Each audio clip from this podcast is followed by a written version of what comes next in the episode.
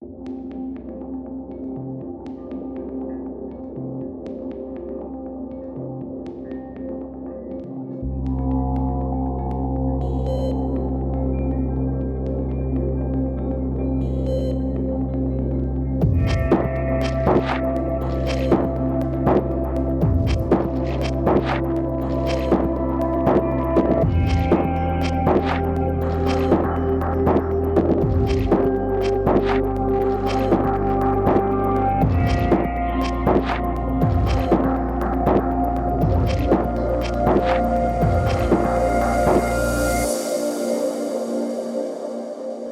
Selamat datang di podcast Rasa Bunyi bersama saya Jack Simanjuntak. Dalam episode kali ini kita akan mendiskusikan tentang musik dan narasi.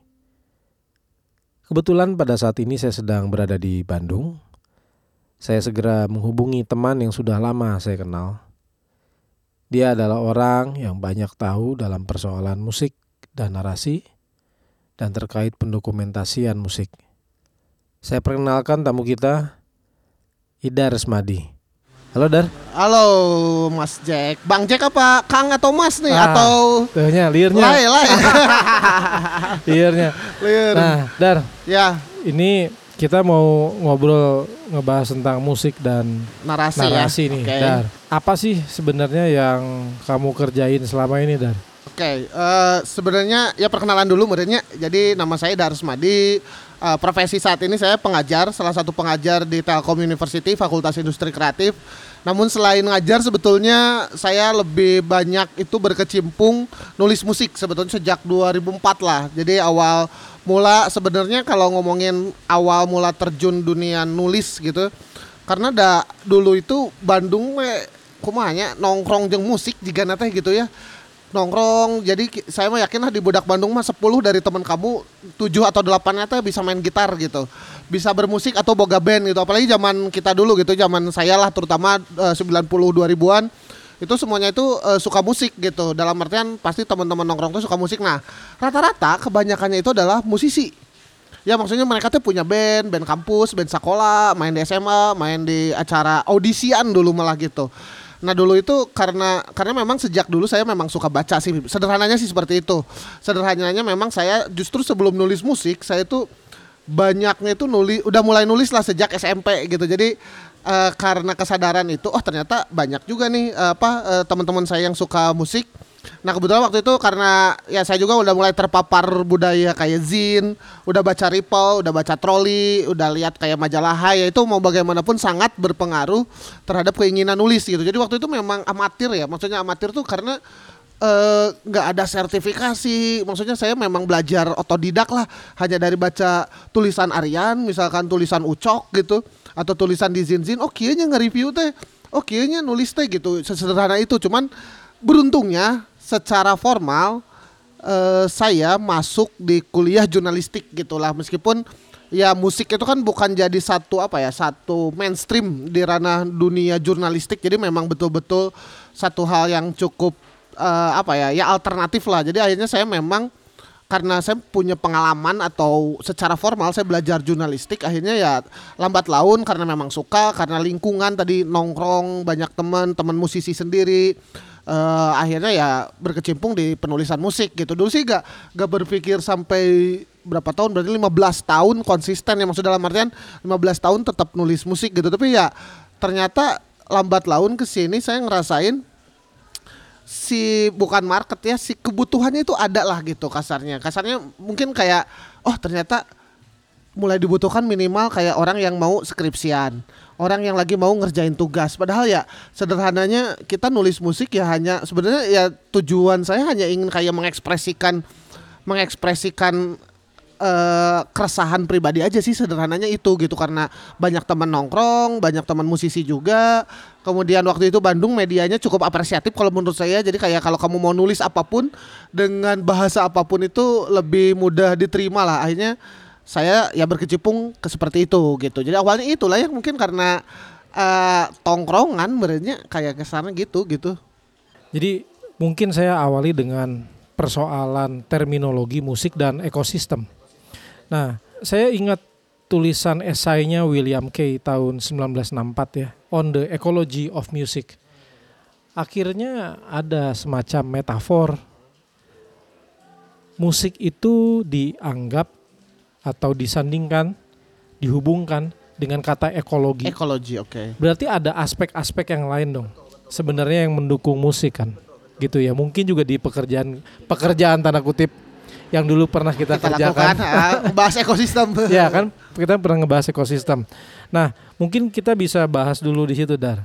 Nah, sebenarnya bisa diceritain nggak tentang ekosistem atau mungkin tentang ekologi dan musik, ya. itu? Ya sebenarnya kalau ngomongin ekosistem ya bagaimana saat musik ini kita pandang sebagai sebuah produk sosial eh, ini saling berkaitan ya. Maksudnya pasti kalau kita ngomongin musik itu bukan semata kita ngomongin maksudnya bukan semata kita ngomongin aspek bunyi aja gitu. Maksudnya bukan hanya aspek eh, bebunyian, bukan hanya aspek eh, apa? Instrumen aja gitu. Tapi pasti akan ada banyak aspek-aspek yang eh, mendukung karena ini produk sosial akhirnya mendukung si proses kolektif ini. Kalau menurut saya seperti itu kayak ya pasti musik itu ada hubungannya dengan aspek sosiologis pasti aspek eh, psikologis sudah jelas eh, aspek antropologis karena ini berhubungan dengan manusia juga mungkin ada aspek ekonomi marketing apa eh, filosofis apalagi. Jadi memang bahkan spiritual gitu. Bahkan ya kalau kita ngomongin narik ke zaman dulu ya musik itu eh, perannya itu sama dengan sains gitu era Pitagoras ya. Kalau Pitagoras yang memang dia mencetuskan bahwa ada empat kalau tidak salah ada beberapa yang eh, apa eh, sejajar dengan sains salah satunya itu adalah pen- eh, musik gitu. Jadi tarikannya memang cukup eh, luas ya kalau kita ngomongin ekosistem akhirnya kita bisa memandang musik ini sebagai sebuah proses kolektif tadi gitu. Nah era sekarang kan kita tidak bisa pungkiri yang namanya ekosistem itu kan harus saling berkaitan, harus saling menghidupi, harus saling mendukung gitu. Maksudnya satu ekosistem atau satu bagian itu hilang atau bagian itu tidak tidak hidup atau mati gitu tentu saja akan berpengaruh ke ekosistem-ekosistem yang lainnya gitu. Ada hubungannya dengan teknologi sekarang yang era digital lah. Era digital tentu saja berpengaruh pada akhirnya pada aspek cara mendengarkan musik, akan berpengaruh juga pada aspek cara eh, memproduksi musik, juga akan berpengaruh mungkin cara orang eh, menerima musik, mengkonsumsi musik hingga mungkin akan berpengaruh juga terhadap cara bagaimana memasarkan musik gitu. Jadi menurut saya sih eh, kalau kita berbicara ekosistem tarikannya memang akhirnya sangat luas, eh, berbicara dari sangat personal eh, seperti psikologis hingga faktor eksternal seperti sosial budaya. Nah, ekosistem musik ini memang eh, saling berkaitan terutama kalau menurut saya sih terutama di era industri sih ya. Kemajuan ada dua menurut saya sih eh, perkembangan kalau kita berbicara ekosistem kita harus bacanya dari dua hal. Pertama adalah pas aspek teknologi di mana kalau zaman dulu ya musik itu eh, perform ya gitu tiba-tiba ada teknologi rekam gitu siapa eh, Edison gitu ya menemukan teknologi rekam. Tiba-tiba muncul kebutuhan radio playing tiba-tiba muncul kebutuhan untuk apa eh, produksi gitu. Kemudian juga muncul yang namanya sekarang eh, digital gitu di mana ya pasti kan berpengaruh. Jadi menurut saya sih salah satu faktornya itu jelas teknologi kedua itu adalah market sosial gitu. Jadi eh, tentu saja eh, cara orang menerima atau cara orang menerima musik atau mengkonsumsi musik eh, akan terus berubah gitu. Sekarang kan dengan eranya digital gitu disruption ini menurut saya sih akhirnya ini juga berpengaruh. Jadi kalau kita membaca si ekosistem musik itu bisa sangat luas sekali tapi yang paling penting menurut saya sih aspek selain eh, tekno keberadaan teknologi keberadaan pasar itu keberadaan ruang juga gitu jadi menurut saya sih ada aspek itu sih yang paling penting di ekosistem musik sih Eh, teknologi eh, sosial dan kemudian si ruang ya. Ruang tuh maksudnya bagaimana musik ini ditampilkan di dipertunjukkan di ruang-ruang atau di baik itu secara ruang dalam artian ma- digi- eh, maya atau ruang secara fisik gitu. Saya sih Nah ini ya tarikan yang memang harus menjadi concern bagaimana membicarakan ekosistem musik gitu. Oke, Eh, saya mencatat sebenarnya dalam konsep ekosistem eh, musik, eh, saya setuju tadi dibilang ada keterkaitan satu dengan yang lain ya. Eh, kemudian bagaimana keterkaitan ini eh, berhubungan dengan sustainability dari musik itu sendiri. Misalnya infrastruktur dan regulasi. Kemudian yang kedua misalnya bicara soal media dan musik industri. Kemudian yang ketiga musisi dan komunitas. Kemudian juga kita bicara juga soal nilai dan konstruksi. Nah, yang terakhir saya mencatat ini yang penting adalah eh, system of learning. kayaknya aspek ini yang mungkin narasi itu ada di di sini ada di, sini ya situ, di, betul. di aspek ini system of learning. Seberapa penting sih dar persoalan narasi dalam musik? Artinya ada satu kejadian, ada fenomena, ada hal yang menarik dari musik kemudian dicatat, kemudian ditulis, kemudian dibuat buku atau dibuat tulisan. Eh, fenomenanya begini ketika beberapa waktu lalu ada sebuah band yang cukup fenomenal di Indonesia namanya Hindia. Hindia eh, itu adalah sebuah band baru eh, namanya Baskara Putra. Jadi Baskara ini personil Fish, ada bandnya ini milenial banget lah band yang mungkin terhitung baru. Dia merilis sebuah album eh, Menari dengan Bayangan.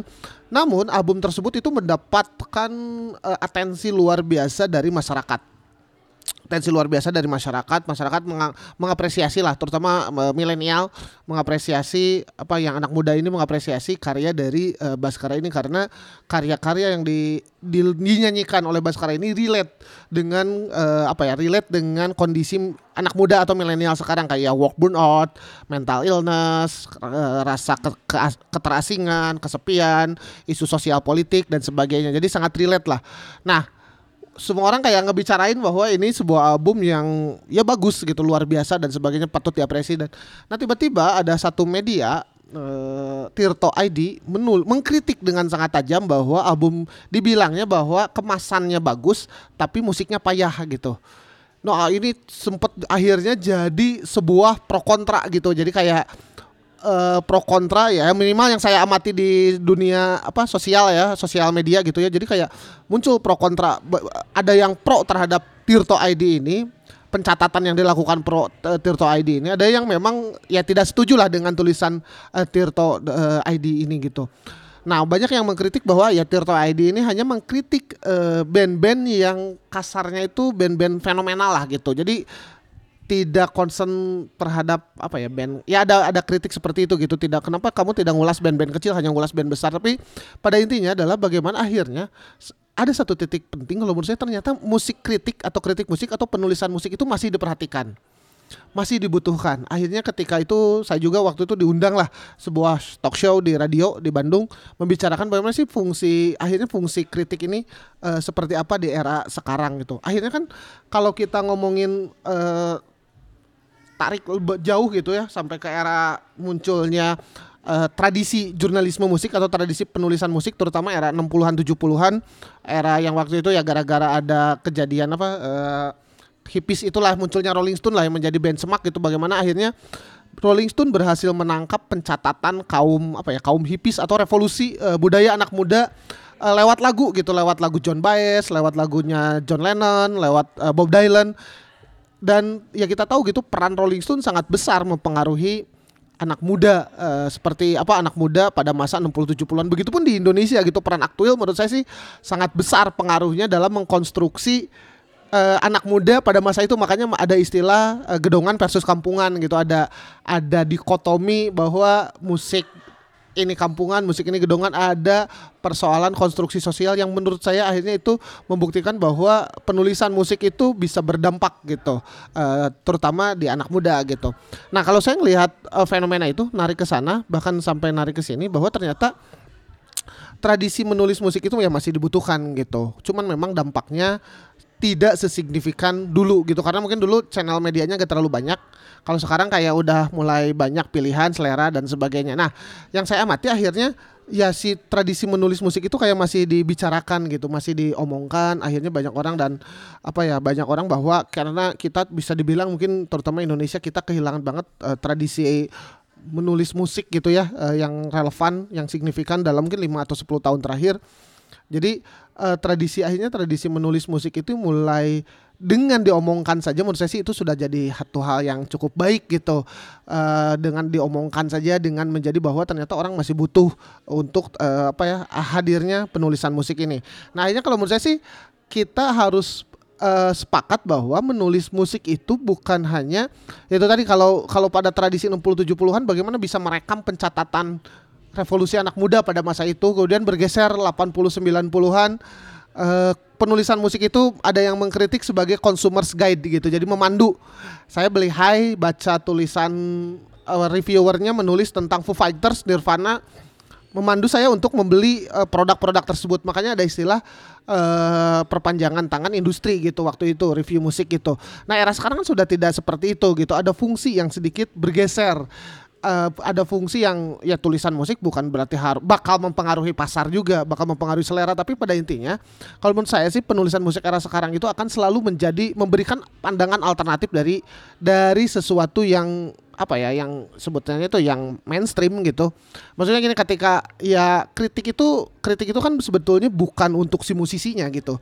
Ketika saya mengkritik satu band bahwa kenapa musik lu folk sementara era sekarang adalah elektronik misalkan. Kenapa nggak ngegabungin folk dan elektronik misalkan? Sebenarnya kan yang bagaimana ketika saya menulis saya itu bukan untuk memberikan rekomendasi ke musisi. Tapi yang saya lakukan itu adalah memberikan pandangan alternatif kepada masyarakat atau eh, audiens gitu bahwa eh, lu gak boleh ya lu se- bisa sepakat gak sepakat gitu bahwa lu gak bisa sepakat semuanya sepakat bahwa musik ini bagus.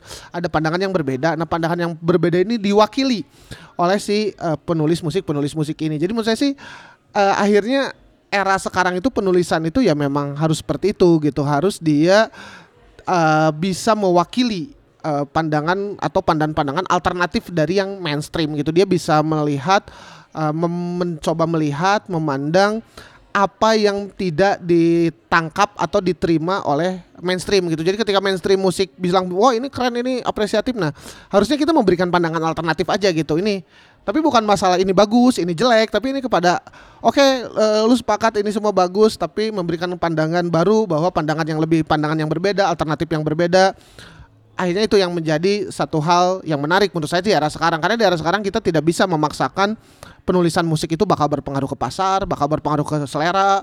Eh, selain pencatatan, menurut saya sih yang paling penting itu kita memang memberikan eh, terus alternatif pandangan ya, alternatif pandangan dari eh, selera mainstream ini. Nah itu mungkin eh, learningnya itu di sana gitu. Kita tidak harus ya karena kan kalau ngikutin sosial media tuh gemuruh banget ya. Kita bakal cepat mudah terpengaruh gitu ketika apalagi di era sekarang kan era peer pressure, eh peer pressure, eh, peer grouping.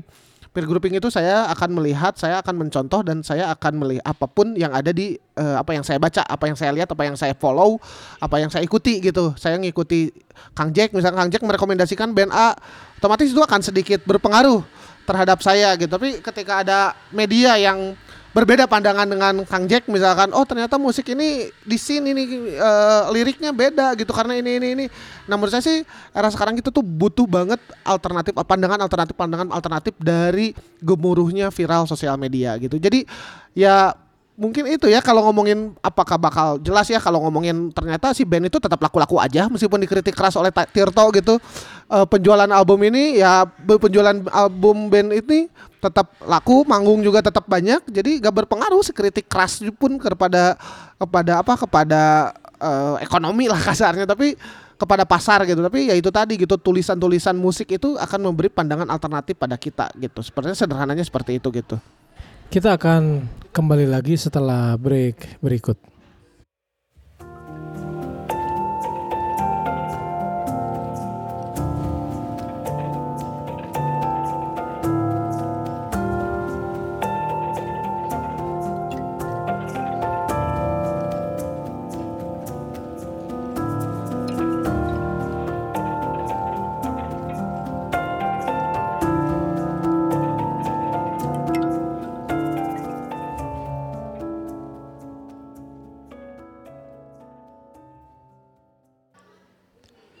Kembali lagi di podcast Rasa Bunyi bersama saya Jack Simanjuntak dan Ida Resmadi. Dar, itu tadi apa boleh kita sebut kritik musik? kritik musik ya sebenarnya kalau ngomongin kritik itu banyak ada banyak ya maksudnya ada kritik pedagogik yaitu bagaimana kita ya itu tuh pengajarannya lebih kepada aspek bagaimana ketika eh, di konteksnya eh, pengajaran lah ada kritik akademik ya mungkin ini yang Bang Jack Kang Jack sering lakukan ya maksudnya itu mas sudah masuk ke kritik akademik gitu eh, lewat penelusuran dengan keilmuan, mencangkur pautkan dengan disiplin keilmuan, mencampurkan itu sudah masuk ke kritik akademik. Ruangnya juga justru berbeda dengan kritik eh, jurnalistik atau kritik populer gitu. Kalau kritik jurnalistik ya ruangnya media massa, blog atau mungkin ruangnya eh, ya media massa lah koran eh, podcast, Twitter dan sebagainya. Kalau kritik akademik kan memang dengan disiplin keilmuan ya harus serba rigid, harus disiplin keilmuannya dan sebagainya gitu. Jadi ya ada berbagai aspek sih sebetulnya eh, jenis kritik itu. Yang sekarang mungkin lagi berkembang banyak itu adalah kritik populer gitu. Saya perhatikan dalam lima tahun terakhir itu banyak eh, dalam artian kritik itu penulisan ya, eh, penulisan musik eh, populer itu banyak banget gitu. Ada yang ngebahas sejarah indie pop, kemarin ada yang ngebahas Yuka eh, konstruksi identitas. Ini mungkin sedikit ke akademik ya, eh, konstruksi identitas heavy metal. Terus juga ya buku saya sendiri tentang jurnalisme musik, ada biografi, kemudian juga ada terakhir itu bahkan Melly Guslow sendiri bikin tulisan musik gitu ya.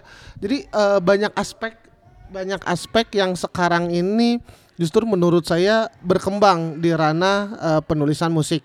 Justru yang saya rindukan itu ya itu tadi ya eh, ketiga atau kedua aspek lah kritik akademik, kritik yang memang banyak ditampilkan di ruang-ruang akademik, eh, buku-buku yang memang eh, penuh dengan disiplin keilmuan, etnografi, misalkan semiotika itu banyak ya harus lebih banyak terbit juga gitu karena ya ini untuk mengimbangi kalau kritik populer kan kasarnya mah semua orang bisa ngomong ya. Kalau semua orang sesederhana lu punya blog, eh, lu punya podcast, ya lu bisa mengkritik gitu, lu bisa menulis musik apa pun gitu. Tapi kalau kritik akademik kan memang harus eh, rigid, harus ada dengan pendekatan disiplin yang tertentu gitu. Jadi menurut saya sih justru harus yang banyak ya keseimbang maksudnya gini ya kalau kalau menurut ya yang lebih baik memang kedua-duanya itu terus berkembang gitu. Cuman nggak tahu yang kritik akademik saya ngelihat apakah karena memang kajian keilmiahan musik itu makin terbatas itu saya kurang tahu gitu ya ataukah memang publisher itu tidak terlalu bisa men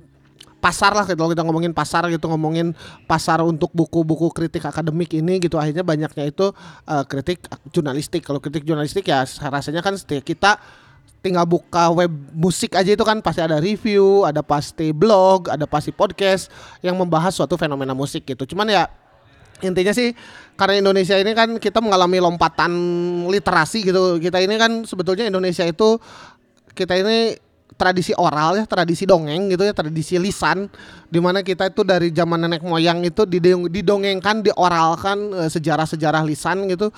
Sampai kita tidak tidak belum begitu eh, melek dengan literasi tulisan terus kita langsung mengalami lompatan ke literasi visual gitu. Jadi akhirnya menurut saya sih dengan pencatatan sesederhana di blog bikin zin eh, sampai kemudian apalagi menulis buku itu sudah lebih bagus gitu. Karena memang ya Indonesia itu ya banyak yang mengkritik itu karena ya kita itu mengalami lompatan literasi gitu. Kita terbiasa makanya orang lebih senang didongengkan orang lebih senang nongkrong orang lebih senang ngobrol orang lebih senang dengan eh, menyerap informasi-informasi seperti itu. Kemudian langsung kita mengalami eh, lompatan di sebelum kita mulai banyak tulisan-tulisan apalagi di musik ya. Musik Indonesia ya musik Indonesia udah jelas itu tradisinya oral gitu tradisi kita nggak tahu penciptanya siapa gitu. Kita nggak tahu folklore folklore itu akhirnya makin banyak berkembang. Kita nggak pernah tahu makna lagu itu gimana penciptanya siapa ide dibaliknya siapa kritiknya bagaimana. Eh, agak berbeda dengan tradisi di luar lah gitu. Terus kita mengalami lompatan budaya visual gitu dengan hadirnya berbagai teknologi cetak grafis sampai kemudian era interface eh, digital gitu. Jadi menurut saya sih eh, akhirnya kritik akademik ini sangat berpengaruh minimal itu tadi gitu. Tradisi penulisan ini muncul dulu aja karena memang ya ini adalah pekerjaan sepi sih. Eh, pekerjaan yang memang tidak banyak dilakukan oleh banyak orang tidak banyak eh, digemari oleh banyak orang. Tapi pada satu sisi sebagai sebuah pencatatan fenomena menurut saya sih sesederhana menulis di blog itu sangat relevan lah gitu. Karena maksudnya gini ketika saya menulis buku banyak juga kok sumber-sumber yang sumber data-data awal saya dari blog-blog gitu. Dari multiply sebelum kemudian saya akhirnya dapat insight-insight baru untuk saya telusuri lebih dalam itu sesederhana itu gitu.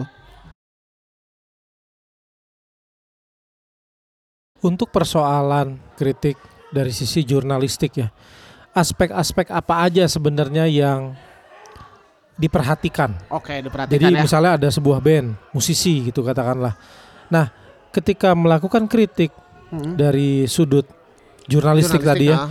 itu hal-hal apa saja saja ya? sebenarnya yang diperhatikan? Oke, ya ada yang ngomong kalau jurnalistik itu kan cuma dua kata kuncinya ya, Eh, independen, Eh, independen tuh dalam artian apa ya? Ya dia tidak harus tidak apa ya, tidak memihak gitu ya, dalam artian seperti itu ya, tidak memihak eh, pada industri musiknya atau tidak memihak kepada si bandnya atau dalam artian harus independen. Dan kedua ini mungkin eh, apa ya? uh, hal yang didengungkan oleh di ranah dunia jurnalistik musik apa pun meskipun ini bullshit objektivitas gitu karena pasti menulis musik tidak mungkin ada yang namanya objektivitas tapi kalau objektivitas itu sebagai sebuah fact, fakta faktual itu oke okay. tapi kalau kita ngomongin uh, menulis musik itu udah pasti sangat subjektivitas gitu jadi menurut sih yang paling penting itu ya yang paling pertama mungkin jelas ya independensi dulu gitu maksudnya kita tidak boleh kayak ditekan dulu oleh satu pihak tertentu kita tidak boleh punya apa ya tidak tidak ditekan oleh pihak-pihak entah itu kepentingan media atau kepentingan industri dan sebagainya. Cuman yang ketika di buku saya menulis bahwa hal yang paling signifikan ini yang ngebedain kita writer music writer atau penulis musik dengan jurnalis lainnya itu adalah adanya medan sosial. Maksudnya medan sosial itu bahwa saya sebagai penulis musik tak bisa dipungkiri bahwa saya itu bagian dari medan sosial musik entahkah saya anak pang entah saya kolektor piringan hitam, saya punya selera terhadap preferensi selera terhadap satu genre musik tertentu, saya pasti berteman dengan teman-teman pelaku industri musik atau komunitas musik. Jadi uh, tak bisa dipungkiri uh, penulis musik itu pasti punya medan sosialnya gitu. Pak rata-rata kan antara dia itu bekas musisi, dia itu antara pasti yang paling pasti itu dia pasti penggemar musik gitu. Jadi menurut saya sih yang paling berpengaruh itu adalah medan sosialnya. Nah, jadi uh, makanya kan kalau medan sosial itu saya di buku saya menulis bahwa ada empat aspek, ada modal sosial, ada modal kultural, ada modal simbolis uh, dan kemudian ada modal politis gitu. Nah, sebetulnya bagaimana sebagai seorang penulis musik dia itu bisa memanfaatkan keempat modal tersebut misalkan modal sosial ya pada satu sisi uh, ya kita memang mau bagaimanapun harus membangun kepercayaan dengan si komunitas, membangun relasi dengan komunitas. Kemudian modal kultural kita pasti akan terus menonton konser musik, membaca ulasan, terus menambah informasi dan sebagainya. Modal simbolis gitu ketika kita sudah punya reputasi sebagai penulis musik, kita kemudian kasarnya apa ya? Omongan kita didengarkan oleh banyak orang omongan kita kemudian dikutip oleh banyak orang dan sebagainya. Jadi menurut saya sih akhirnya menjadi penulis musik itu agak berbeda posisinya dengan uh, penulis atau jurnalis lainnya gitu. Karena karena tak bisa dipungkiri kita punya keterikatan emosional atau sosial dengan si medan sosialnya itu sendiri. Nah itu itu sih sebetulnya yang memang uh, syarat utama lah ya syarat utama untuk menulis musik. Karena ya itu tadi gitu kamu harus memperbanyak juga wawasan musiknya kamu harus terus ngupdate dengan datang ke gigs dengan datang ke festival. Kamu juga pada satu sisi harus pasti punya preferensi selera musik tertentu mengikuti sebuah band. Kemudian juga pasti akan terus ya akan terus update lah dengan informasi-informasi seputar musik. Cuman alangkah lebih baiknya akhirnya menulis musik karena kita berbicara ekosistem musik media itu sebagai salah satu ekosistem menurut saya sih agak akhirnya agak penting uh, kita memperkaya tulisan musik itu dengan berbagai disiplin ilmu lainnya gitu. Karena ya itu tadi ngomongin musik itu ada ada aspek-aspek uh, di luar musik itu sendiri. Ada aspek sosialnya ada aspek antropologisnya mungkin ada aspek politisnya ada aspek ideologisnya ada aspek filosofisnya. Jadi kalau saya sih ketika kita ngomongin musik akhirnya yang kita kalau ini saya sepakat banget makanya ada dengan teman saya uh, pemretnya di Jakarta Post dia salah satu penulis musik yang saya kagumi juga akhirnya dia bilang bahwa menulis musik itu adalah menulis tentang manusia gitu. Jadi bukan menulis tentang si bunyi aja tapi tentang ketika kamu ngomongin menulis mus tentang Bob Dylan yang kamu tulis itu bukan hanya uh, Blow in the Wind-nya gitu atau apa lagu-lagunya dia gitu tapi yang kamu tulis itu bagaimana pemikirannya Bob Dylan, bagaimana dia hidup, tinggal di di lingkungan seperti apa dan pengaruhnya apa sih ke revolusi Amerika pada masa itu. Jadi itu tugas penulis musik kalau seperti itu tuh gitu. Jadi sebenarnya dapat dikatakan cukup wah, kompleks ya, yang hmm. aspek yang yang akan dikuliti betul, lah gitu ya, betul. yang diamati ya, digeluti ah. ya. Nah, bisa nggak kasih salah satu contoh misalnya terakhir-terakhir ini pernah mengulas satu band misalnya atau satu artis misalnya itu bisa nggak kasih contoh hal apa saja yang yang yang diurai, yang dikuliti, yang dibahas. Oke, mungkin ini yang saya lebih mending ngomongin tulisan sendiri aja deh, biar gak ngomongin tulisan. Ya terutama paling ini di buku saya yang inilah Viewer Saturday lah, biografi ya. Ini kan kalau ngomongin sebuah apa sih uh, kita kalau ngomongin buku penut salah satu karya jurnalistik saya adalah tulisan biografi sebuah band uh, independen pelopor band indie uh, Pure Saturday. Sebenarnya kalau kita ngomongin apa sih ngomongin Pure Saturday apakah bisa dibilang sukses sebagai sebuah takaran ekonomi kan enggak juga gitu ya sukses sebagai sebuah takaran apa ya takaran mendapatkan banyak penghargaan kan enggak juga gitu. Tapi ya kita tahu bahwa band ini punya pengaruh cukup kuat. Jadi akhirnya misalkan kalau kita ngomongin uh, contoh misalkan bagaimana ketika saya menulis Pure awalnya sih sederhana gitu. Bagaimana akhirnya saya melihat uh, fenomena misalkan dari apresiasi musik misalkan dari dulu musik cover version itu budaya cover version itu muncul. Bagaimana pengaruh budaya pop barat itu muncul. Saya uh, membahas tentang bagaimana pergeseran nilai uh, indie lah atau independensi itu muncul. Sampai kemudian bagaimana proses kreatif itu muncul. Jadi tidak hanya ngomongin soal lu dapat kesuksesan, lu dapat beberapa penghargaan, tapi benar-benar bercerita tentang kenapa sih pengaruh musik dari Inggris atau Britpop atau indie pop itu muncul di Bandung itu yang jaraknya ratusan ribuan kilometer gitu dari Bandung gitu ya yang Sunda gitu tapi tiba-tiba harus memainkan nada-nada dengan lirik-lirik dan dengan ucapan-ucapan berbahasa Inggris. Itu kenapa gitu? Kemudian muncul kelas menengah baru. Orang-orang yang tajir yang kuliah di luar negeri mendapatkan akses kenapa dia membangun atau membentuk komunitas gitu? Kemudian bagaimana sih industri musik independen itu muncul? Kenapa harus berawal dari penolakan di label? Apa sih kenapa hanya menyanyikan lagu berbahasa Inggris itu bisa ditolak gitu?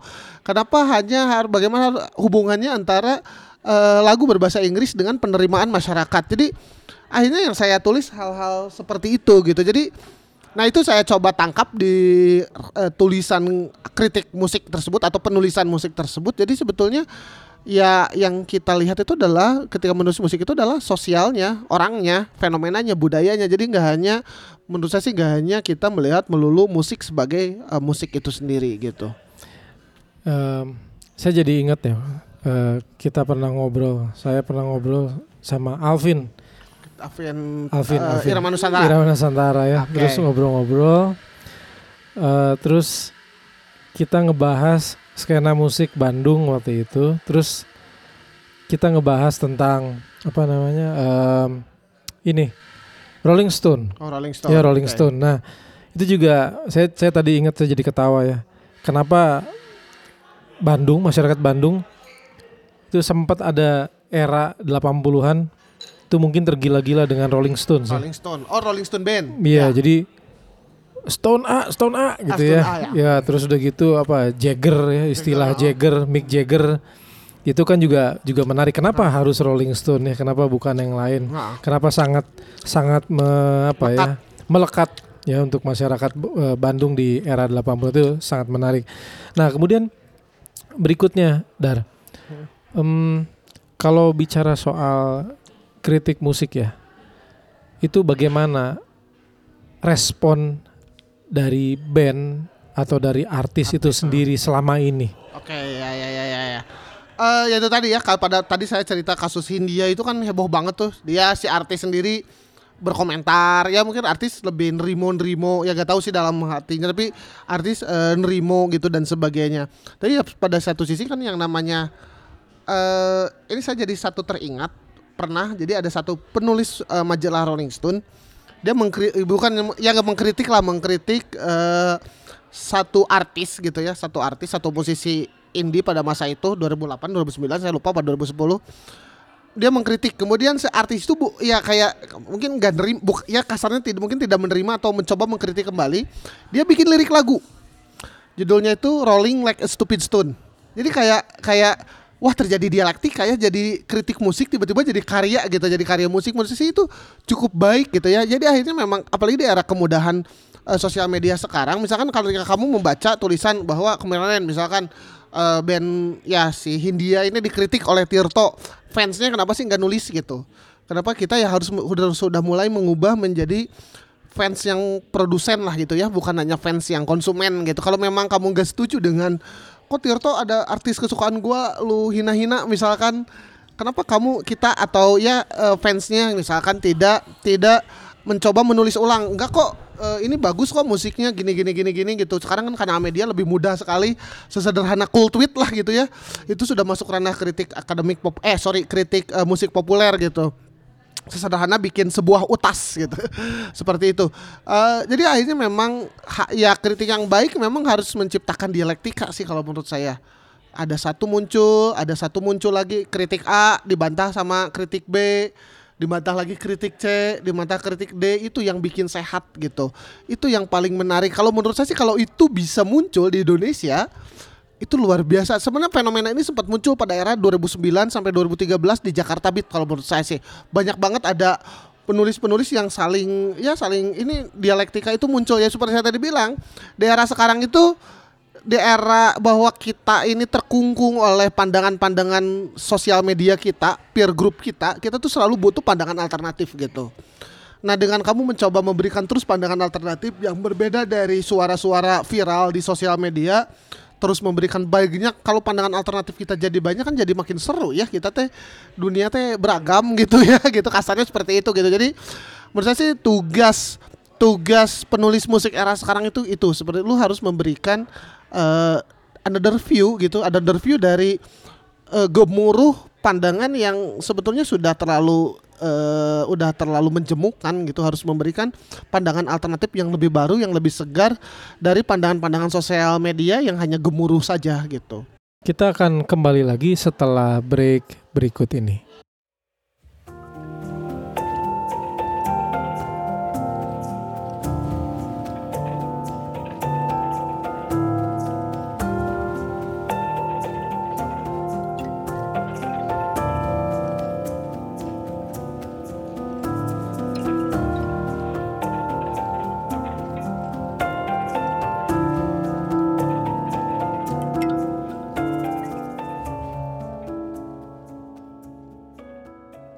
Masih bersama saya Jack Simanjuntak dan Idar Resmadi di podcast Rasa Bunyi.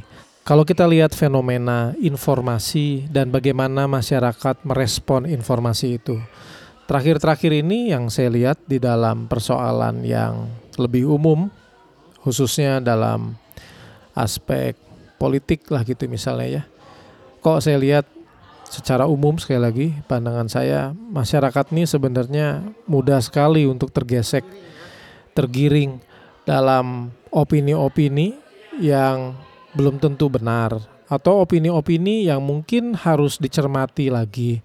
Kalau saya simpulkan masih ada hal yang belum begitu dipahami oleh masyarakat untuk menerima informasi. Betul betul betul. Nah, sekarang kalau saya hubungkan dengan persoalan Musik, gitu musik ya. dan jurnalistik, itu ada korelasinya nggak kecerdasan Cerdasan ya. untuk memfilter informasi Oke, ya, ya, ya. atau menikmati informasi Oke, itu? ya, ya, ya. Gimana, Dar? Oke, eh ya ini cukup pusing juga ya.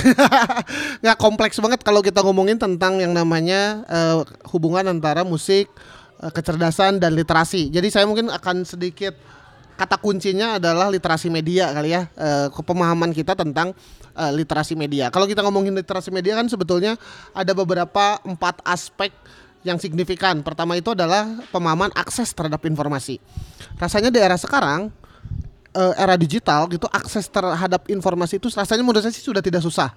Akses kita untuk mendapatkan informasi itu sesederhana ya semuanya tergantung dari jempol kita di mana mengikuti siapa, memfollow siapa. Kalau hanya memfollow seleb tweet eh, pamerin paha sama toket, ya itu yang akan kamu terima. Kalau kamu memfollow orang yang kritis terhadap isu lingkungan hidup, isu sosial, isu mental illness, mungkin kamu akan mendapatkan banyak insight uh, tentang itu. Jadi eh, sekarang itu akses informasi itu sangat luas, gak hanya bersifat media massa, tapi bisa individu-individu eh, yang entah teman kamu, keluarga kamu, idola kamu, musisi favorit dan sebagainya. Nah, persoalan kedua adalah selain akses itu adalah cara bagaimana kita memahami, menerima, menerima informasi. Nah, menurut saya sih kita rasanya hanya pada aspek literal, menerima informasi itu literal. Jadi ada aspek kedua itu adalah memahami informasi literal. Jadi ketika peristiwa A dibilang A ya kita percaya bahwa itu adalah A gitu ya. Makanya ada istilah post kita hidup di era post apa post truth post truth culture gitu karena kita hanya menerima informasi secara literal eh, dari media atau informasi yang menyampaikannya tersebut. Itu aspek kedua menerima informasi. Aspek ketiga itu adalah aspek memahami informasi. Nah, ini mungkin agak sedikit orang yang uh, punya kemampuan literasi seperti itu. Jadi dia tidak hanya menerima informasi secara literal, tapi dia bisa komparasi, membandingkan. Dia melihat dari helikopter view, melihat konteksnya, dia menggali lebih dalam, dia melihat ah, kenapa sih si buah teks ini muncul eh, apa ada kepentingan dari si pengirim informasinya? Jadi eh, kritis lah dia udah udah dengan dengan eh, budaya kritis lah critical thinking itu adalah tahap memahami informasi. Nah tahap keempat apalagi? Kita mungkin ini sangat PR-nya sangat susah adalah produsen informasi. Jadi kalau nomor satu itu adalah kita konsumen informasi, kedua kita menerima informasi secara literal, ketiga kita memahami informasi, keempat adalah menjadi memproduksi informasi. Nah menurut saya sih ya kita tidak bisa dipungkiri dengan bagaimana Indonesia sangat sangat hoax itu sudah levelnya itu sudah sangat eh, darurat. Sudah sampai kita itu eh, kritis ya krisis krisis akan eh, kita mudah terpengaruh oleh berita hoax karena memang Indonesia itu ya mau bagaimanapun kita hanya sebatas menerima informasi secara literal. Jadi hanya dua aspek. Kita konsumen informasi dan kita men- me- menerima informasi secara literal. Agak agak lebih agak jarang lah eh, orang yang mungkin literasinya cukup tumbuh eh, yang tinggi itu dia akan eh, memahami dulu informasi. Apalagi dia sampai memproduksi informasi memproduksi podcast memproduksi blog memproduksi vlog. Dia mengkritik satu fenomena memahaminya di berbagai sudut pandang. Itu mungkin agak sedikit jarang. Nah kalau kita ngomongin dengan musik menurut saya sih itu pasti akan ada punya keterkaitan. Ketika ramai riuh rendah eh, dengan sebuah fenomena musik dengan sebuah band ya tanpa sadar kita akan selalu riding the wave gitu. Terbawa pengaruhnya kita akan coba untuk ketika apalagi itu tadi gitu ketika era sekarang kan era era itu tadi era peer group ini ya era era peer peer sosial ini. Jadi ketika saya ngefollow sebuah sebuah band A ah pokoknya karena saya ngefollow eh, Bang Jack misalkan apa yang diomongin Bang Jack bagus saya pasti setuju deh pasti akan bagus ya harusnya kan nggak gitu ya kalau orang yang literasinya tinggi ah masa sih si Bang Jack kok gini bisa dibilang bagus ya? Menurut saya mah kurang enggak sih liriknya cemen. Oh liriknya lebih bagus kok band ini yang nggak muncul? Jadi maksudnya ya akhirnya kenapa band-band muda ini bisa uh, dimarketingkan gitu ya? Sekarang gam- apa ya menyasar pasar anak muda. Ini karena karena ya cara menerima informasi kita sudah berubah gitu. Cara penerima informasi itu adalah dengan cara peer sosial tadi gitu ketika makanya ada istilah kalau agensi-agensi itu menyasar dengan buzzer, dengan si influencer gitu, dengan SBA kalau di musik itu karena orang-orang inilah yang akan menyitir, menyetir eh, informasi kamu gitu. Para buzzer musik pun sama ada kok buzzer, apa jurnalis-jurnalis musik yang kayak mempromosikan sebuah band itu edan-edanan gitu ya eh, ada juga ya apa eh ya mungkin karena ada kepengaruh dengan itu tadi dia pelaku industri musik terus dia mempromosikan sebetulnya itu tadi gitu kalau kita si fans ini atau si audiens ini punya daya nalar daya kritis cukup tinggi dia akan selalu tidak mudah percaya dengan apa yang ada di hadapannya apa pun itu gitu. Termasuk ya buzzer musik buzzer musik ini gitu. Jadi menurut saya sih akhirnya ini ya eh, peran buzzer vlogger podcaster yang mengangkat sebuah sebuah band musik itu itu tadi gitu. Akhirnya riding the wave aja. Ini menjadi ramai menjadi ini. Tapi sebetulnya kalau kita makanya itu tadi gitu saya penting banget penulis musik yang berbeda karena akan memberikan alternatif pandangan yang berbeda gitu. Akan memberikan eh, sedikit twist gitu dari pandangan-pandangan yang riding the wave di eh, sosial media gitu. Ya menurut saya sih eh, itu ya eh, akhirnya Eh, karena kalau ngomongin di musik pun sama aja gitu. Ada ada karena cara menerima informasi yang kita yang sudah berubah gitu. Informasi kita itu ditentukan dari bagaimana lu ngefollow siapa lu menerima informasi dari siapa dan sebagaimana. Kalau dulu kan informasi itu bersifat apa ya? Push information mungkin ya push tuh. Jadi kayak saya nonton MTV ya udah gitu.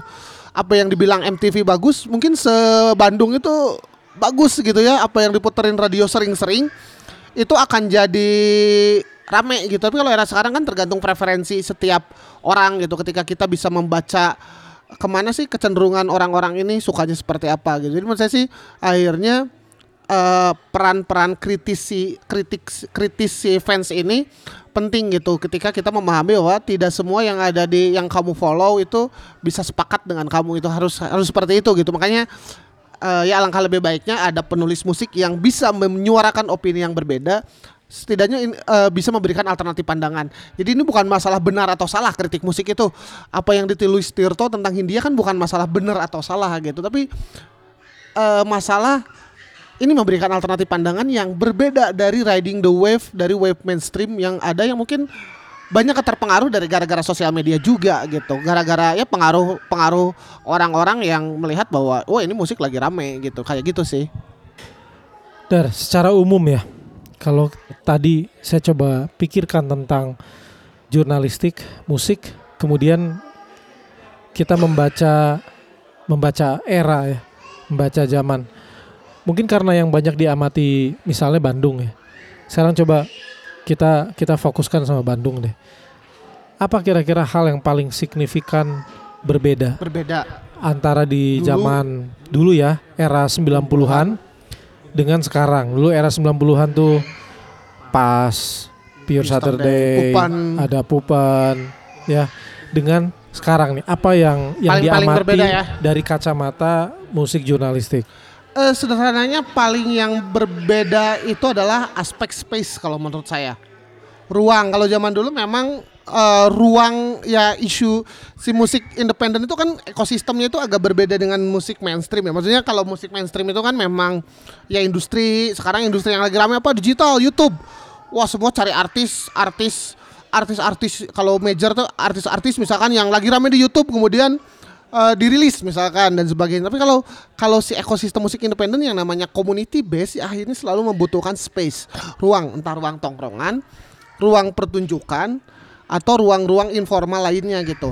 Bandung dulu itu memang pada intinya karena kota ini cukup kecil adalah si ruang space-space-nya itu hidup.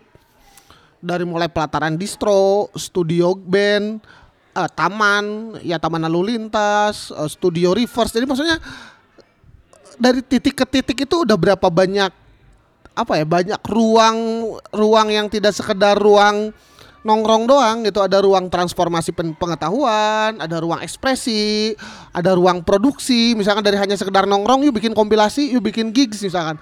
Nah era sekarang dengan era ya Bandung yang terus pesat selama hampir 20 sampai 30 terakhir dengan maraknya eh, ya mall, apartemen dan sebagainya akhirnya menurut saya sih eh, ruang-ruang ini yang cukup hilang gitu. Eh, ruang-ruang kesadaran space ini yang eh, entah itu ruang untuk pertunjukan kita tidak pernah punya satu eh, ruang pertunjukan yang sustain dalam lima tahun terakhir. Terakhir spasial, spasial udah berhenti juga. Ya akhirnya eh, ba- sampai ke ruang transformasi pengetahuan pun yang bersifat informal hampir nggak ada. Saya kalau mau belajar untuk musik bis lah ketemu produser band Bandung di mana ya? Harus janjian dulu di tempat kopi gitu. Nge-DM dulu segan mungkin. Kalau dulu kan saya datang ke distro itu bisa nanya ke Helvi gitu. Oh gini gitu hanya bermodal beli stiker 5 ribuan bisa ngobrolnya Banyak. banyak 5 jam gitu udah dapat satu SKS gitu. Nah kayak gitu gitu. Kalau dulu eh, ruang-ruang itu tuh tumbuh. Kalau sekarang karena akhirnya Bandung itu banyaknya itu third space, kedai kopi, kafe, bar. Nah ruang-ruang seperti itu kan agak beda dengan ruang-ruang informal kayak dulu nongkrong di distro, nongkrong di taman, nongkrong di studio gigs, bahkan nongkrong di belakang BIP gitu. Nah, saya sih ruang-ruang seperti itu yang hidup, eh yang ya dulu hidup yang sekarang kurang ada gitu. Kira kita nggak pernah ada satu hub yang bisa menjadi lintas generasi, lintas saling berbagi informasi.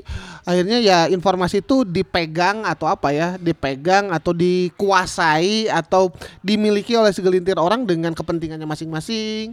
Jadi kayak gitu sih kita eh, menurut saya sih aspek the political of space ini yang menurut saya sih agak agak saat ini ya yang paling signifikan kalau ngomongin 20 tahun terakhir itu eh, faktor eh, space-nya di mana terjadi harusnya space itu terdapat eh, transforma transfer transfer pengetahuan. Nah, ya ada eh, beberapa hub yang dimiliki oleh pemerintah tapi kan ternyata tidak berjalan sebagaimana mestinya sebagaimana fungsinya. Karena eh, yang ngebaca kepentingan di Bandung itu kan emang harus based on interest dulu gitu. Harus ada kepentingan apa sih yang dimiliki. Musik kom- komunitas musik itu kepentingannya apa ya? Kepentingan mereka mah butuh ruang pertunjukan gitu.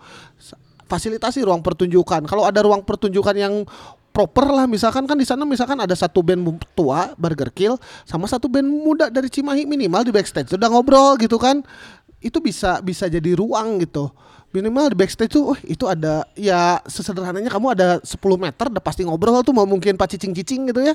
Pasti minimal aduh kumakang iraha manggung deh. Nah, itu kan harusnya dibangun ruang-ruang seperti itu. Makanya saya menurut saya sih itu yang pertama. Kedua adalah festival kalau menurut saya sih. Uh, kita gak pernah punya festival kota yang berdampak lah ya, uh, yang community base, yang relate dengan kebalik lagi kebutuhan si stakeholder atau si komunitas gitu uh, ya akhirnya kan festival-festival ini hadirnya hanya sebagai industri pertunjukan aja di mana hadir top down dari kebutuhan si uh, perusahaan rokok kalau di Bandung gitu ya. Jadi ya perusahaan rokok bikin festival tentu ada kebutuhan tertentu lah terutama uh, promo dan marketing gitu. Sebenarnya yang dibutuhkan kan uh, festival-festival memang misalkan ruang untuk band-band baru, ruang untuk memberikan hiburan terhadap uh, anak muda atau ruang-ruang yang memang bisa dia itu uh, regenerasi dalam aspek apa pun. Produser musik si musisinya itu sendiri. Ya itu tadi kita sebenarnya kalau ada festival sama hub tadi ya minimal mah ada pasti ada. Misalnya kalau saya bikin ada yang bikin acaranya misalnya saya bikin acara atau ada yang bikin acara di satu band itu ada pas band, kemudian ada Puster Day, ada band baru misalkan uh, Holocan gitu dan sebagainya. Ya minimal pasti di festival tuh pasti belakangnya tuh ngobrol backstage ngobrol. Itu kan minimal akan ada satu oh kemarin dia main di mana? Oh main di Eropa. Gue masih caranya main di Eropa kan. Kalau sekarang kan susah ya. Saya pengen ngobrol gue masih tips untuk bisa main ke Eropa ke Eben. Kan susah ya harus janjian gitu harus nge DM Kang Eben punten ke pengen dong tanya-tanya main di Eropa. Kan mungkin ada keseganan ya kalau tapi kalau ada komodi komodi senior komodi senior gitu nge DM aja minta nomor WhatsAppnya juga mungkin tegang gitu ya takut gitu susah lah gitu ya ya sekarang saya nggak tahu misalkan kalau mau bertemu dadan ketuk gitu di mana gitu. Sama Eben di mana mas harus janjian gitu harus kedai kopi. Tapi kalau ada ruang-ruang kayak hub tadi backstage uh, festival menurut sih akan terjadi uh, transfer transfer uh, pengetahuan secara informal itu akan terjadi. Itu yang mungkin yang ngebedain zaman dulu ya.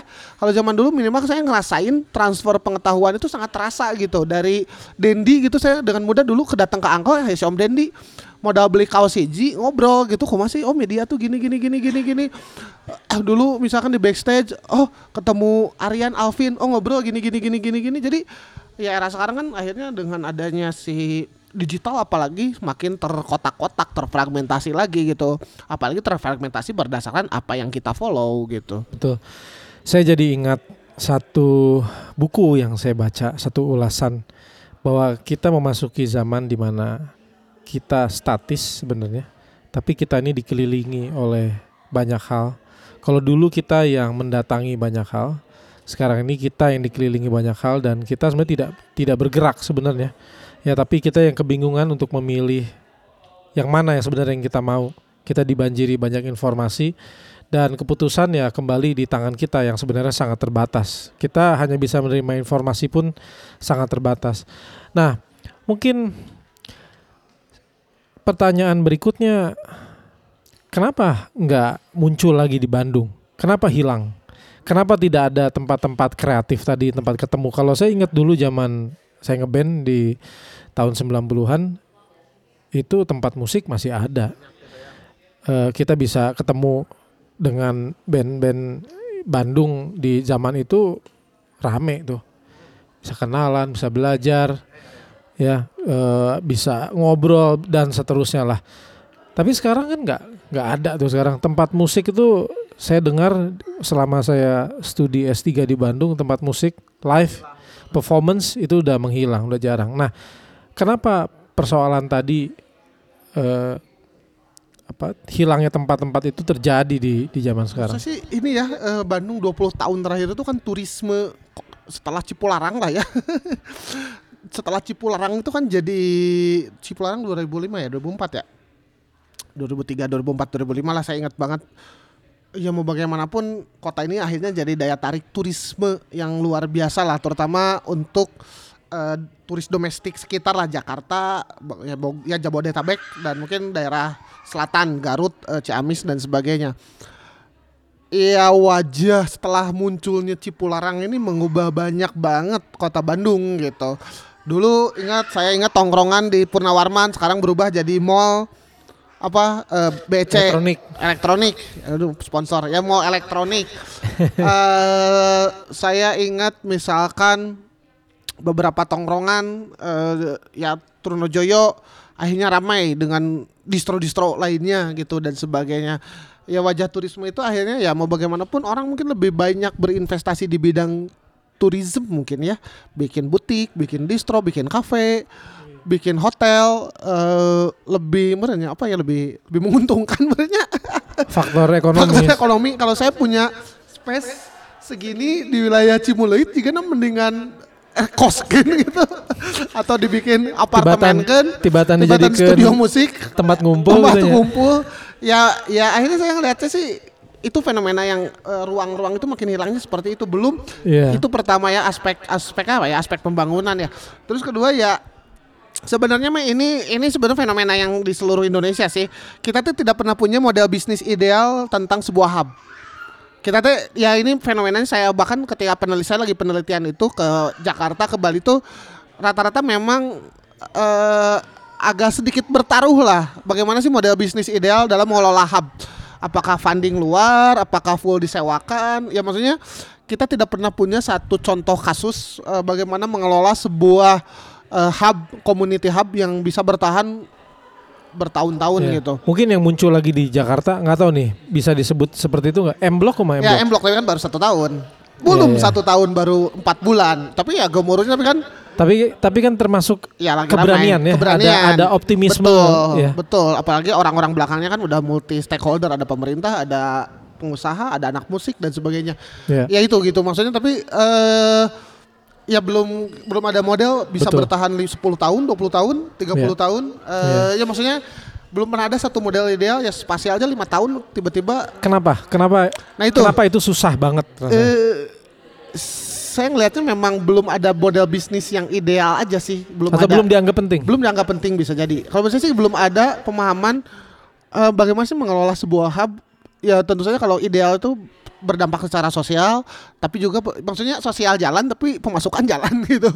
Dulu ketika saya di common room juga kan akhirnya banyaknya sosial tapi ngelola bisnisnya itu bagaimana sih? Apakah disewakan? Apakah dulu kan akhirnya jadi filantropis aja rata-rata kan pemilik space itu filantropis aja kayak oh saya punya space ini sok pakai gigs aja dan sebagainya dan sebagainya. Itu berarti kan harus orang super kaya dulu gitu untuk bisa eh, seperti itu. Itu pertama sih. Terus kedua kalau Bandung menurut saya sih ada faktor sosial juga Ya kalau tadi aspek pembangunan, ketiga itu adalah aspek ekonomi ya. Maksudnya dalam artian memang nggak ada model bisnis yang ideal untuk hub ini nggak tahu. Maksudnya apakah seperti apa. Eh, ketiga itu ada faktor sosial. Maksudnya faktor sosial itu deontrok warga, bikin berisik warga, nemu botol bir di luar diprotes. eh ada parkir belum pungli ini pungli-pungli ormas, pungli-pungli oknum eh, aparat yang bikin community ini ya sustainability-nya itu agak agak sedikit kesulitan karena gesekannya di mana-mana. Mereka gesekan dengan sosial, belum mereka gesekan dengan ekonomi, harus menutupi kebutuhan produksi, belum ya gentrifikasi terus tumbuh, tiba-tiba biaya sewa di sini makin mahal. Jadi menurut saya sih eh ya ini ya makanya ketika ngomongin eh, musik sebagai sebuah ekosistem memang akhirnya eh, harus melihat ini sebagai sebuah eh, apa ya, sebagai sebuah hal yang harus diberikan solusinya gitu. Eh, ya ini kalau mau harus solusi ya harus lintas stakeholder sosial gimana, pemerintah bagaimana dan sebagainya. Sampai saat ini kan nggak ada gitu, nggak nyambung semua gitu. Tiba-tiba dibikin hub seperti itu, adanya studio musik. Ya kita tahu di Bandung itu kan nggak pernah ada kesulitan deh kayaknya ya rekaman musik mah gitu sekarang udah pada bisa di rumah tapi eh, sesuatu yang bersifat jangka panjang gitu misalkan itu tadi muncul perwal peraturan wali kota tentang bagaimana misalkan oke untuk venue di bawah 300 cukup kabar gak perlu izin misalkan. Izin itu hanya untuk venue 1000 ke atas atau 500 ke atas misalkan. Kita nggak ada gitu. Kita nggak ada standarisasi semuanya bisa liar aja semuanya gitu. Nah, menurut saya sih ada tiga faktor itu yang membuat space-space ini mungkin agak sedikit hilang faktor eh, apa pembangunan tadi yang memang akhirnya ya secara rasional lebih tumbuhnya itu kafe, bar, tempat kopi dibanding aspek yang bersifat musik lah ya, tongkrongan, studio, apalagi kreatif hub.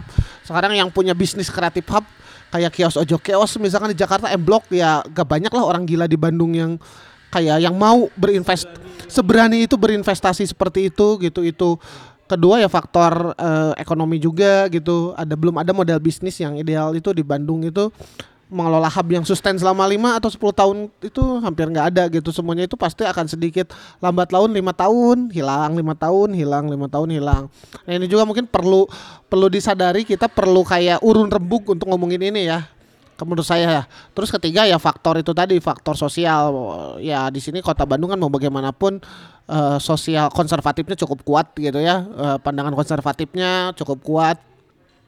Terus masyarakatnya juga memanggang nilai. Ya maksudnya di sini meskipun kota yang cukup modern tapi pada satu sisi nilai-nilai konservatif menurut saya sih masih cukup kuat. Jadi ketika ada sesuatu yang mendengarkan musik yang berisik, kemudian melihat perilaku yang berbeda, itu pasti akan sedikit ada sedikit minimal teguran karena banyak banget kasus belum lagi memang perilaku-perilaku si masyarakat atau si penonton musiknya yang memang masih kampring-kampring juga banyak juga gitu yang kayak mecahin kaca, bikin iya. rusuh, ngabala, ngabala gitu. Itu juga masih banyak gitu. Jadi akhirnya ya rasa memiliki terhadap space itu belum banyak yeah. gitu. Atau belum ada. Nah, makanya ini harus dikempenkan juga gitu kayak kayak kesadaran seperti itu yeah, gitu. Betul. Persoalan kesadarannya.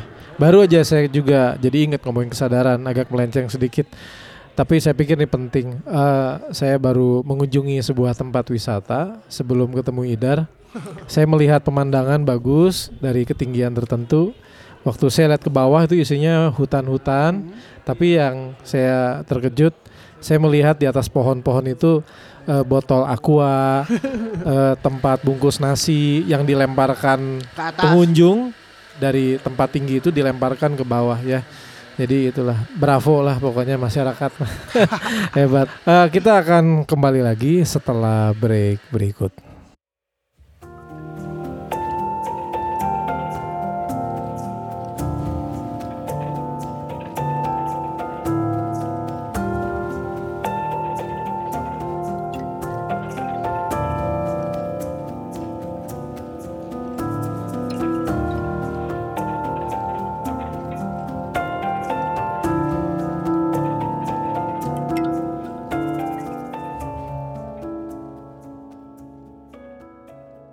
Kembali lagi di podcast Rasa Bunyi bersama saya Jack Simanjuntak dan Ida Resmadi. Akhir-akhir ini kamu melakukan apa aja dar dalam hal musik jurnalistik? Sekarang sih sebenarnya saya sedang peneliti set ya, dapat grant dari British Council untuk meneliti ekosistem musik di Indonesia. Tapi lebih fokusnya musik independen sih, musik independen di Indonesia. Uh, case tadinya itu tiga kota Bandung, Jakarta dan Bali. Dimulai dari apa ya? Oktober. Oktober sebenarnya ini sedang lagi progres uh, laporan sih ya. Uh, sampai Desember. Ot ya itu sih lagi. Dia kemarin kayak blusukan aja sih ke festival-festival di Bandung, Jakarta. Dan kemarin baru balik dari Bali. Dan ya seru banget sih di tiga kota itu. Setiap kota itu punya apa ya? Punya kompleksitasnya masing-masing itu karena saya karena saya ya di Bandung lah jadi sebetulnya sudah paham lah sedikit paham tentang kondisi yang terjadi di Bandung. Yang menarik kan di Jakarta dan Bali gitu. Itu oh kenapa ekosistemnya berpengaruh, industri pendukungnya bagaimana, terus uh, sosiokulturalnya bagaimana, kemudian juga apa uh, tingkat partisipasi apresiasi bagaimana termasuk Bali gitu Bali seru juga gitu ya Bali boleh dibilang sekarang lagi emerging ya lagi tumbuh banget uh, ekosistemnya karena ya pertumbuhan ruangnya di sana di sana itu luar biasa karena ya bar dan kafe di sana kayaknya uh, banyak banget. Dan kemudian akhirnya bar dan kafe itu ya merangsang ya band-band untuk tampil gitu di sana gitu. Cuman memang kendala archipelago ya Bali itu kan cukup makan biaya ya kalau untuk band Bali tampil ke sini atau band sini tampil ke sana gitu. Jadi ada persoalan ya apa ya akomodasi cukup luar biasa mungkin. Ya itu sih kayak menarik banget di tiap kota tapi intinya adalah yang saya cermati dari ketiga kota tersebut sebetulnya musik independen itu berkembang dari ruang sebetulnya. Jadi ketika saya observasi ke sana itu di tengah era sekarang digital yang sedang luar biasa tapi sebetulnya band-band ya kultur musik independen itu adalah kultur show gitu ya kultur apa ya kultur community base gitu yang bener-bener lu tampil di hadapan komunitas lu gitu. Jadi but memang persoalan ruang ini tiap kota yang beda-beda ya. Bandung ada kompleksitas ruang yang makin terbatas Jakarta yang sekarang ruang makin ramai apalagi dengan ada M Block Space gitu ya. Bali dengan banyaknya bar dan apa ya bar dan eh, kafe gitu yang berada di wilayah Badung dan Denpasar itu aja. Nah jadi akhirnya saya bisa melihat bahwa eh, ruang ini sangat penting lah untuk keberlangsungan ekosistem musik independen gitu. Oke. Em, jadi tujuan dari riset itu sebenarnya apa untuk Output atau gimana? ya outputnya? Kalau output sih makalah sih ya, makalah. Saya sebenarnya eh, outputnya makalah berbahasa Inggris.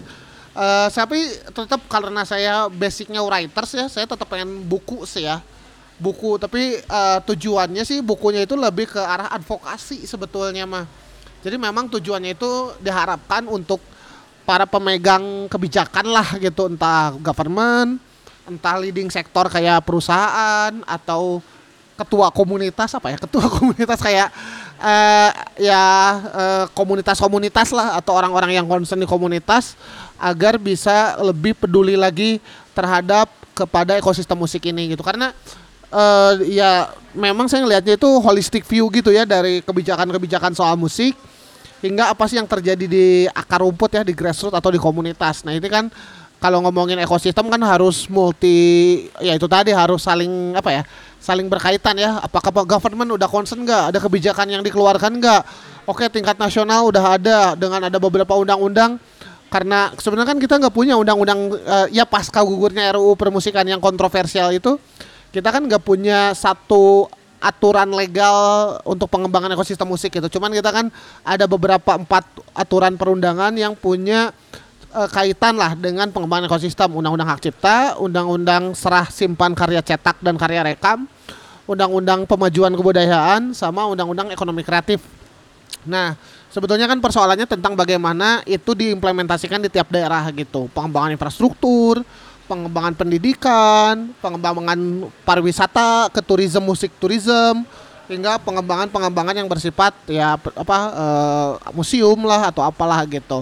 Menurut saya sih seperti itu karena selama ini kan si musik ini teh akhirnya kan eh kawinnya bukan kawin ya di rangkulnya oleh swasta kan ya terutama eh, perusahaan rokok gitu nah itu kan jadi kalau mau benar-benar kita bisa berdampak ya memang harus terjalin konektivitas di semua sektor gitu. Kalau menurut saya sih seperti itu dan pada intinya sih bagaimana sih ya itu tadi terimplementasikan dengan baik tapi pada satu sisi dari level komunitas juga eh, ada pengawasan.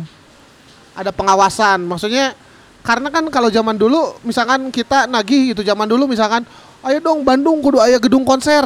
Da baheula mah jika menta-menta ka kolot gitu da eueuh kayak ayo dong gedung konser gedung konser. Gedung pertunjukan gedung pertunjukan festival musik festival musik. Kalau zaman dulu memang karena ya kita kayak mengemis-ngemis sebenarnya atau kita kayak ke orang tua minta sesuatu. Tapi kalau sekarang kan udah ada ba- badan hukumnya. Maksudnya udah ada payung hukumnya lah dengan undang-undang pemajuan kebudayaan dengan ada undang-undang si apa eh, ekonomi kreatif. Salah satunya kan penyediaan infrastruktur fasilitas. Nah itu kan kasarnya mah kita minta tuh udah ada hukumnya gitu. Kayak ayo dong orang tua atau pemerintah beri aku apa atau kasarnya bukan meminta sih kayak ya memang harus connect sinergis gitu. Kayak bukan ya maksudnya bukan meminta lah tapi sebetulnya kita sudah ada payung hukumnya untuk bisa eh, konektivitas dengan kebutuhan itu gitu. Cuman ya itu tadi gitu eh, pada satu sisi si komunitas juga harus paham eh, sudah harus mulai berani berkomunikasi terbuka karena karena ya itu tadi menurut saya sih eh, dananya cukup luar biasa. Jokowi aja dengan dana perwalian kebudayaan itu kan 5 triliun tuh.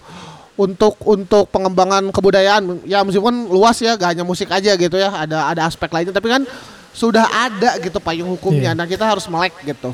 Betul, sudah diperhatikan. diperhatikan ya. nah itu sih persoalan eh, kebudayaan itu, itu komunitas. Dan kemudian ya akhirnya komunitas juga harus kayak mulai mulai eh, komunikasi entah pemerintahnya entah mungkin komunitas menurut sih ya itu tadi kalau karena kan si musik independen tuh organik ya maksudnya gini ya.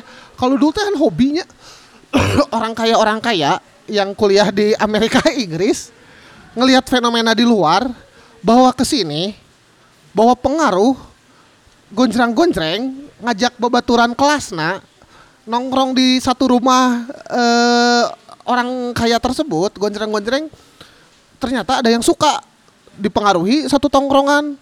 Tiba-tiba oh bisa geningan enyeun teh? Oh bisa ternyata bisa jadi ayah duitan. Jadi yang dulu berjalannya mungkin hobi organik terus hanya bersifat parsial tiba-tiba udah jadi industri besar gitu. Tiba-tiba anjir bisa cicil imah bisa nyicil mobil bisa BPJS gitu bisa sekolahin anak gitu misalkan. Tiba-tiba tercipta miliaran misalnya atau tercipta uh, profit yang tidak sedikit dari dulu yang sebetulnya berjalan sangat organik dan sangat parsial, sangat komunitas gitu. Jadi ya kalau kita ngomongin ini sudah menjadi industri besar, menurut saya sih akhirnya kita harus perlu memikirkan bagaimana proses yaitu tadi aspeknya banyak regenerasi ruang, kes kesejahteraan yang lebih kontinu, keadilan bersama, tercipta nilai-nilai yang partisipatoris terhadap banyak aspek gitu. Jadi ya itu kan harus akhirnya menurut saya sih ekosistem musik yang baik harus seperti itu gitu. Jadi kan kalau yang dulu iseng gitu lah kasarnya mah organik tiba-tiba sekarang udah jadi gede gitu. Nah ini ini kan kita harus harus bukan diatur lah, harus bagaimana semua pihak ini sama-sama senang lah gitu. Pemerintah mungkin punya jalan keluarnya, industri punya jalan keluarnya, komunitas punya jalan keluarnya. Menurut saya sih uh, itu sih mudah-mudahan kalau kita ngomongin ekosistem ya kita hampir ya mungkin ketinggalan jelas ya sama di luar gitu ya tapi intinya kalau kita uh, bisa duduk bareng sadar komunikasi dengan terbaik jadi akhirnya semua pihak ini bisa saling berangkulan demi kemajuan si musik Indonesia itu sendiri gitu. Iya, betul. Saya jadi jadi ingat persoalan tegangan ya. Eh, persoalan sertifikasi musik undang-undang yang katanya mau mencoba untuk me mensejahterakan lah. Tapi ternyata pada prakteknya menurut saya muncul banyak pertanyaan, muncul banyak e, komentar yang tidak mudah juga sebenarnya untuk menjelaskannya. Tapi ya itulah serunya di Indonesia menurut saya. Dar, terakhir Dar, selama menulis eh, apa ya kritik musik atau musik jurnalistik mungkin ada beberapa hal yang paling penting yang didapat yang kamu dapat dar itu apa aja? Uh, apa ya? Ya kalau materi mungkin ya bersyukur aja ya. Mungkin tidak se apa ya ya, ya tapi intinya sih sekarang materi maksudnya secara materi ya alhamdulillah dalam artian apa sekarang itu udah banyak industri yang terbuka. Minimal apa misalkan industri penerbitan. Sekarang itu kayak industri penerbitan itu sekarang agak lebih uh, mudah, agak lebih terbuka terhadap penulis-penulis musik yang di mana mungkin 10 atau 20 tahun yang lalu kayaknya susah gitu ya karena industri penerbitan itu dikuasai oleh satu genre terbitan buku tertentu. Tapi sekarang menurut saya sih uh, mulai banyak penerbit-penerbit yang berani atau mau menerbitkan buku musik. Dan itu tentu saja uh, merangsang apa ya merangsang keinginan si penulis musik untuk terus berkarya gitu. Minimal itu jadi apresiasi dari penerbitan sudah mulai terbuka. Tapi sebetulnya yang lebih penting lagi ya itu tadi ya tanpa kita sadari ya maksudnya kayak ya nulis musik tuh kan kayak nulis apa apaan sih gitu kayak remeh-temeh gitu ya kayak cemen gitu. Apa sih fungsinya? Apa sih uh, faedahnya? Ya itu juga sempat apa ya kayak sempat membayangi pikiran saya apa sih faedahnya? Tapi pada satu sisi ketika lambat laun ketika ada mahasiswa yang berterima kasih karena bisa lulus dengan karya kita. Bahkan saya dulu ingat banget saya pernah nulis sebuah esai pendek lah esai pendek tentang pengembangan e, musik city gitu ya di kota Bandung empiris. Tiba-tiba ada mahasiswa planologi saya lupa ITNAS apa ITB ya yang berterima kasih. Dia tuh ngajak ketemuan terus kemudian uh, yang raktir kemudian dibilang Kang terima kasih. Gara-gara teori Akang saya lulus. Anjing teori naon nih?